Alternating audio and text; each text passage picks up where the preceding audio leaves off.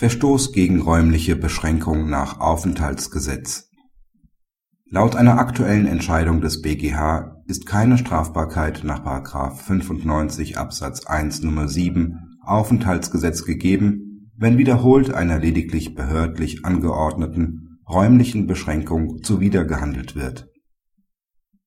Nach § 95 Absatz 1 Nr. 7 Aufenthaltsgesetz macht sich strafbar, wer wiederholt gegen eine nach § 61 Absatz 1 Satz 1 Aufenthaltsgesetz gesetzlich angeordnete räumliche Beschränkung des Aufenthalts auf ein bestimmtes Bundesland verstößt.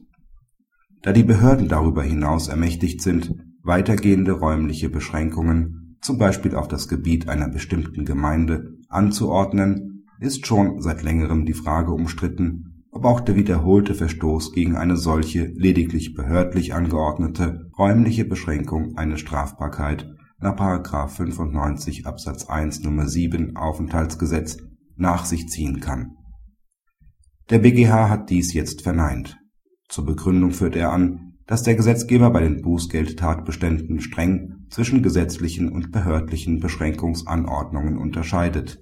Daher sei davon auszugehen dass § 95 Absatz 1 Nr. 7 Aufenthaltsgesetz bewusst nur auf die gesetzlichen Anordnungen nach § 61 Aufenthaltsgesetz verweist. Dafür spreche auch der mit der Norm verfolgte Zweck, vollziehbar Ausreisepflichtige mit Asylbewerbern gleichzustellen.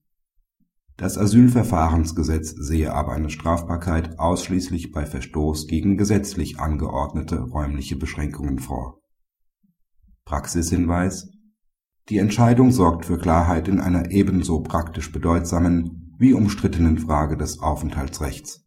Dass der BgH hier einer restriktiven Auslegung der Strafvorschrift den Vorzug gibt, ist zu begrüßen